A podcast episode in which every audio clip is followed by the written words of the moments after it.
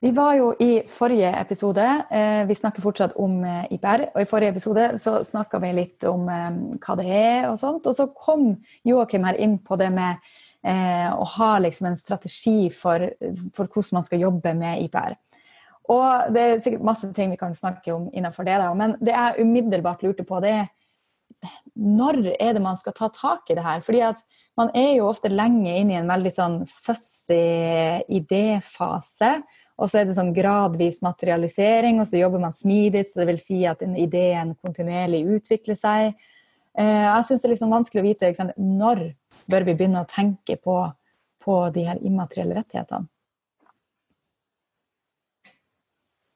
Jeg lurer på om jeg kan gi designerens eh, svar på det.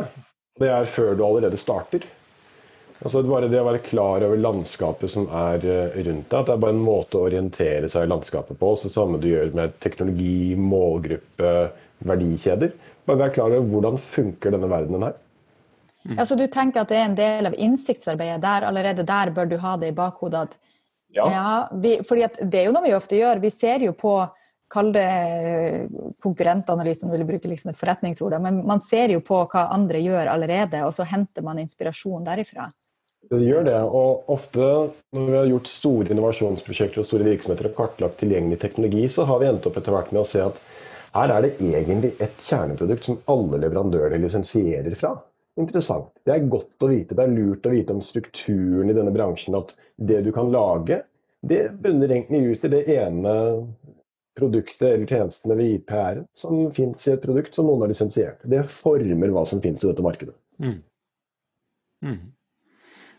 Jeg har vel ja, jeg, jeg, jeg, De gangene vi har hjulpet med, med startup, så, så, er det ofte helt inn til verdiforslaget. Altså helt den der grunnleggende hva, hva, er, hva er kjernen i produktet vårt, hva er kjernen i, i, i forretningsideen vår.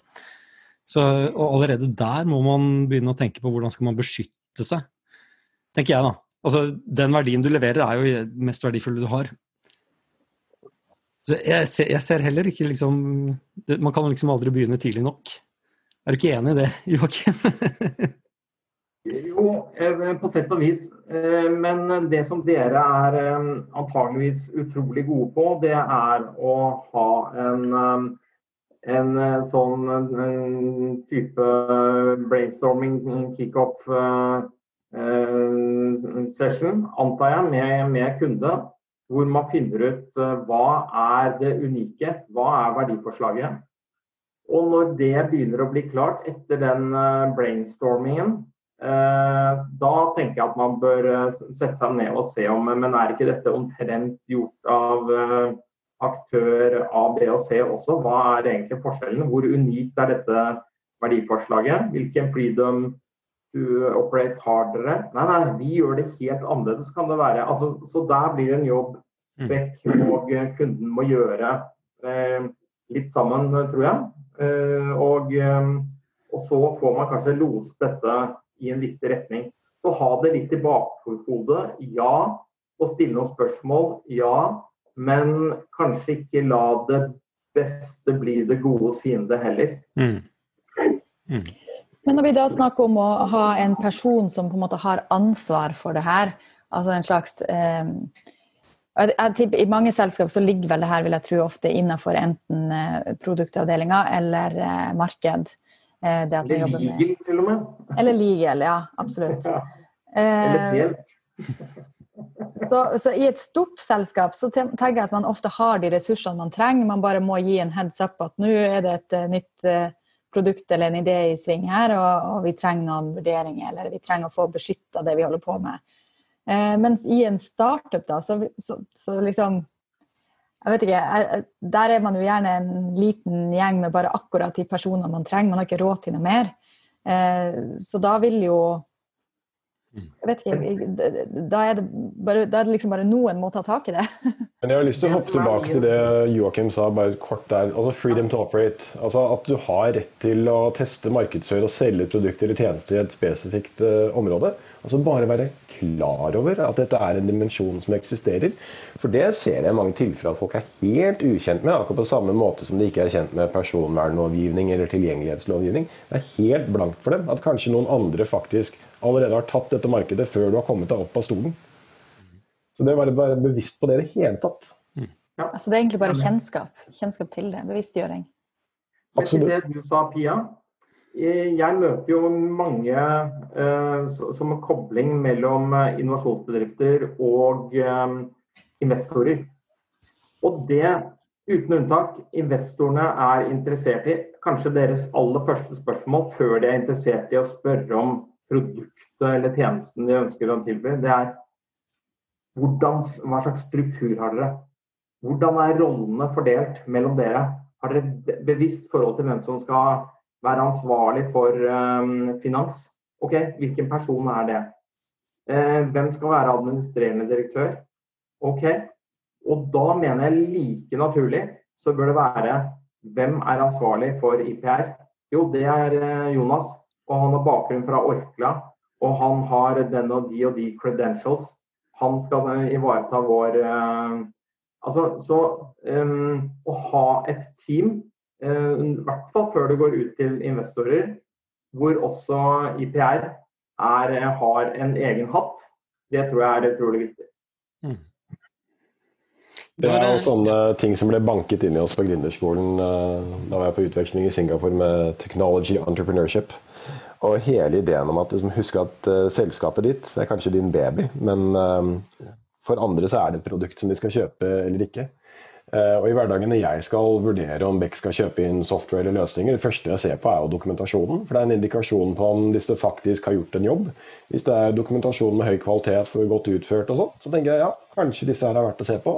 Og hvis det bare er sånn 'coming soon', så vet jeg at denne virksomheten gidder jeg ikke bruke tid på å kjøpe noe fra, for de har ikke peiling. Det er for tidlig. Og Sånn blir det jo også for investorer. De er jo ute der for å kjøpe ting. Men faktisk også for partnerne. Jeg tror også veldig viktig å huske i store kommersielle avtaler at da pågår egentlig akkurat det samme. Og for en del av de store kundene jeg har jobbet med uh, i Beck, så har vi gjort egentlig akkurat samme gjennomgang. Hvem er dere? Kommer dere til å fortsette å eksistere? Kommer dere til å bli saksøkt ut av virkeligheten rett etter at vi har implementert løsningen deres? Den type ting er utrolig viktig, så vi vet at vi faktisk kan gi dere penger. Vi vil gjerne gjøre det, vi vil bare være sikre på at det er trygt. En, eh, et sånt dilemma som eh, veldig ofte gründere møter, er eh, de, man, man, tenker at det man kommer på er så genialt at uh, man må holde det hemmelig. Uh, og defaulten med å hemmelighold, ikke snakke med andre om det man uh, driver med, går på bekostning av muligheten til å skaffe seg nettverk og støtte og hjelp.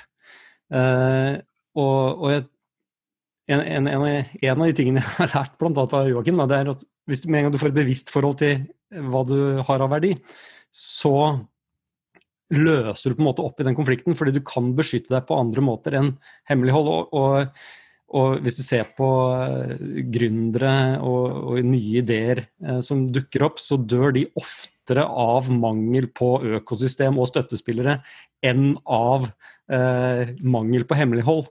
Så, så, så det, det, er en sånn fin ting å, å tenke, og kanskje prate litt om. Også hvordan kan man beskytte seg utover hemmelighold? Eller utover patent. Da. Patent er jo også en sånn default-greie, det koster jo masse penger. Hva, hva, hva, kan man gjøre? Hvordan kan man beskytte verdien sin uten å nødvendigvis gå rundt med munnkurv? Ja. Eh, et av de viktigste eh, veivalgene er jo om man skal gå for rettslig beskyttelse gjennom patentsøknader, designsøknader osv. Eller, eller, eller gå for hemmeligholdelse. Eh, betrakte forskjellige deler, unike deler, som bedriftshemmeligheter. Det er gitt økt rom for, uh, i, i, lovgivningen for å betrakte noe som bedriftshemmeligheter. Men det fordrer én ting, nemlig at man uh, forvalter det som bedriftshemmeligheter. At man lukker det inn i en safe. At man gjør at man markerer at dette er vår egen proprietære IPR. Du sier at det er dyrt med patent, og det er det. Fordi at En patent er i utgangspunktet bare for ett og ett land. Man kaller det verdenspatent og man kaller det europapatent. Men det betyr bare en én felles søknad. Like fullt må alt oversettes til hvert enkelt språk. Og det, er, det må opp, altså monitoreres og overvåkes og egentlig eh, prosederes i hvert enkelt land. Det er, det er en voldsom, eh, voldsom potensiell kostnad. Eh, men hemmeligholdelse kan også være dyrt. Mm. Eh, for du må passe på da, at de ansatte ikke, ikke røper noe, at de oppfyller hemmeligholdelsen osv. Men det vi har som sånn stikkordliste, det er at hvis det er kort livssyklus på teknologien, da er det ikke noe vits i å bruke masse penger på patent. Mm. Da vil den uansett være en overgangsteknologi. Mm. Men hvis det er lang livssyklus, da kan man gå for kanskje vurdere en patent. For å få en eh, lengre beskyttelse.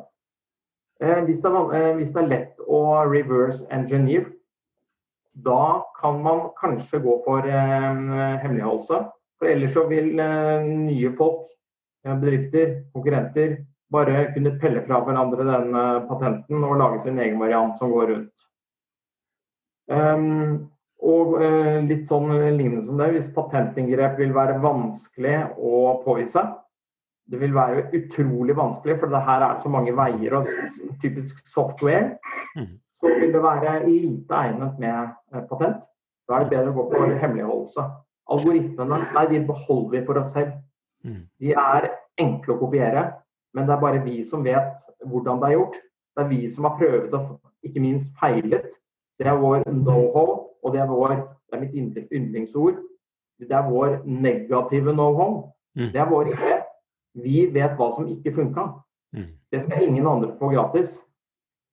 Um, og prosessinnovasjon eh, også. Det er, um, det er sånn som er uh, egnet for uh, hemmeligholdelse fremfor eh, eh, patentering. For, fordi at verden går stadig videre. Men én sånn, finger, eh, sånn tommelfingerregel kan jo være hva har konkurrentene gjort? Tilsvarende konkurrenter har Nå stoppa det et opptak. stoppa det en uh, internettlinje her. Kommer du tilbake igjen, Joakim? Er jeg borte? Ja, nei, nå kom du tilbake igjen. Vi bare fortsetter. Du hadde en ja. tommelfingerregel. Så eh, hvis konkurrentene har valgt å mm, IP-beskytte, altså gjennom eh, registreringer, da er det en indikasjon på at du bør sterkt vurdere å gjøre det samme. Mm. For da er det noen kloke hjerner som har tenkt før deg. Det kule her er altså kule, det, det, det, dette med at hvis du skal ha patent, så må du også være du må også ha midler til å forsvare patentet ditt. Altså det Patentet er verdiløst hvis du ikke eh, også har ressurser til å, å, gå til sak mot de som eh, infringer. Nei, helt riktig.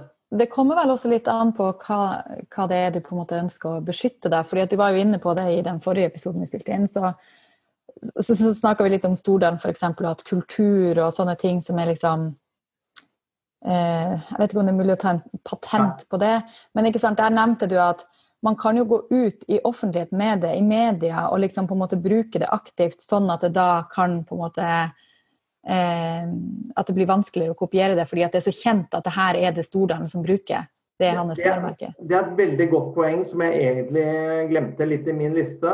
er at Hvis du har en first movers advantage allerede, hvis du, hvis du er så langt i, i, i fremkant, så er det eh, smartere å gå for hemmeligholdelse enn da er det egentlig unødvendig eh, å bruke masse penger på patent. Fordi da er du allerede den sterke, og de andre dilter bak. Så i det tilfellet, hvis noen kommer og sier eh, herregud, det er tirsdag, det vil jo bare falle til stengrunn. Det går ikke. Man har allerede tatt den, ikke sant? Ja, det, er her, det, er her, det er her det blir så spennende. ikke sant? Fordi når du vet hva du har av verdi, som, om det er first mover advantage, da, så for å beskytte den, så må du jo faktisk investere i å opprettholde det. Eh, eller det er i hvert fall en, en mulig strategi. Da. Eh, da. da. løper vi fortere enn alle andre, og vi må fortsette å gjøre det fordi det er fordelen vår.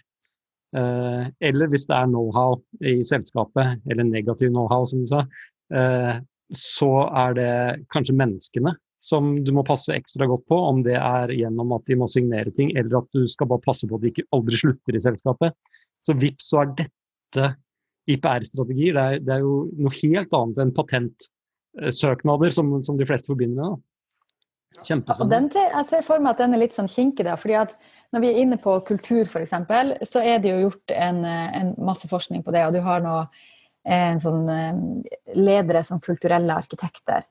Eh, veldig kjent begrep etter hvert. Og det handler jo om at lederne er dem som i stor grad bygger kultur. F.eks. da Stordalen. Og det er jo han som sier 'endelig mandag', ikke sant? Mm. Sånn at hva hadde skjedd da hvis han fant ut at nei, jeg gidder ikke å drive med Choice lenger, nå skal jeg bare selge meg ut, eh, og så skal jeg starte opp min egen eh, greie på sida. Kan man si at det hører til Choice, eller er det på en måte Det er jo Stordalen, det er han som eier det. Kan ta det med akkurat dit han vil.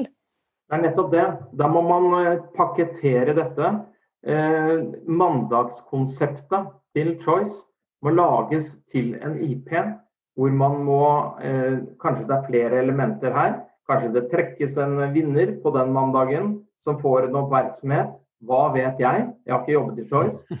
Men hvis man paketterer dette, så er det bedriftens eiendom. Og hvis man behandler det som en bedriftshemmelighet, så kan ikke eh, Petter Stordalen ta det med seg. Og det må han, eh, det må han i et annet konsept. Og det må han også underskrive på overfor de andre eierne i, eh, i Choice.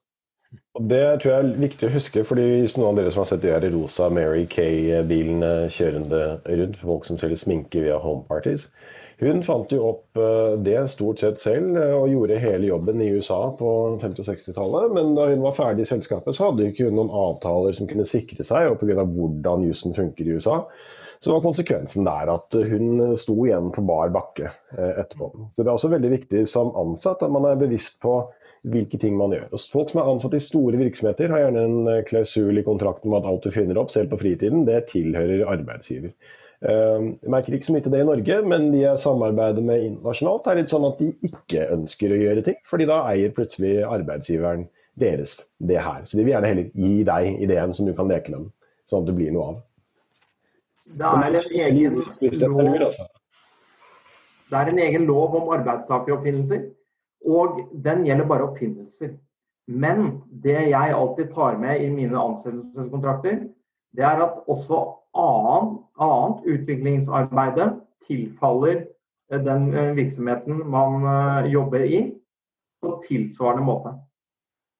Hm. Hva er fordelen med det? fordelen med det er, eh, er, akkurat som Fredrik var inne på, at IP-en som opparbeides, tilhører bedriften ikke den enkelte ansatte. Mm.